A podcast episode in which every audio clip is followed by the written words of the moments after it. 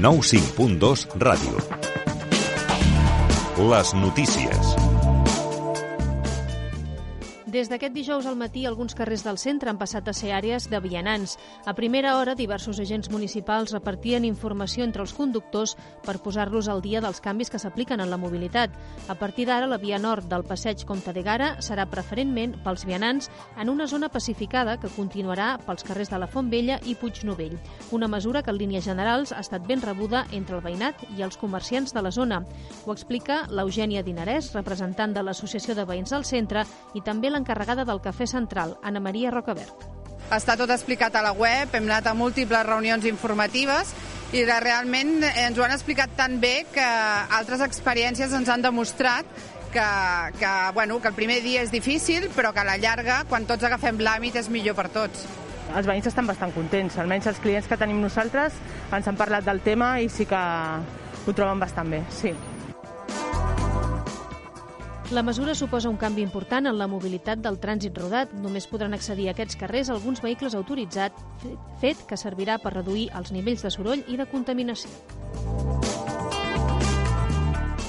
Entre el darrer trimestre del 2020 i el primer semestre del 2021, a Terrassa ha augmentat el nombre de locals tancats, de manera que en l'actualitat hi ha un 83% de locals oberts, 3 punts per sota del 2017. Tot i això, la dinàmica d'aquest any és positiva i hi ha més obertures de locals que no pas tancaments. Entre l'illa de Vianants i la Rambla sumen 655 locals a peu de carrer, el 25% de tota la ciutat. Així es desprèn de l'Observatori dels Centres Urbans, un servei de la Fundació Comerç Ciutadà en col·laboració amb la Universitat Universitat Autònoma. Amb tot, i només des del gener, al centre s'han obert 22 nous comerços, 7 han tancat i 4 han canviat d'espai. Ho explica Anna Roque, de Comerç Terrassa Centre. A nivell comercial per nosaltres és molt important saber quin grau d'establiments oberts i tancats tenim, quina rotació d'establiments eh, tenim i sobretot el pas de gent, perquè si tenim molts comerços però no ens ve gent, tampoc fem res. Vull dir que llavors el flux de gent és molt important. On els carrers on hi ha més concentració de botigues hi ha més pas de gent. O sigui, la gent busca que hi hagi la, el comerç.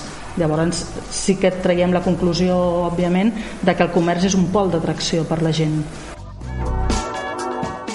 Pel que fa als fluxes de vianants, pels 19 captadors instal·lats en punts estratègics durant la passada tardor hi han passat més de 2,2 milions de persones, més de 100.000 cada dia, un 4% menys que l'any 2020 a causa de la pandèmia.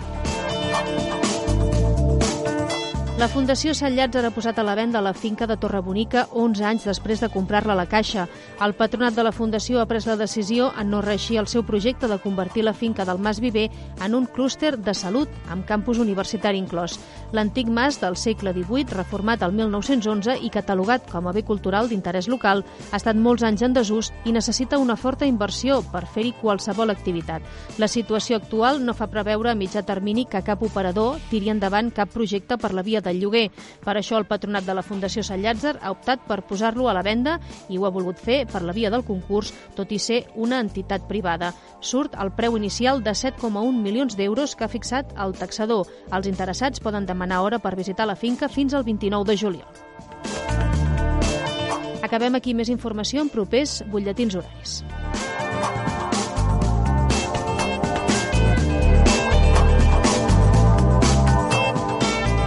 Les notícies al 95.2 FM.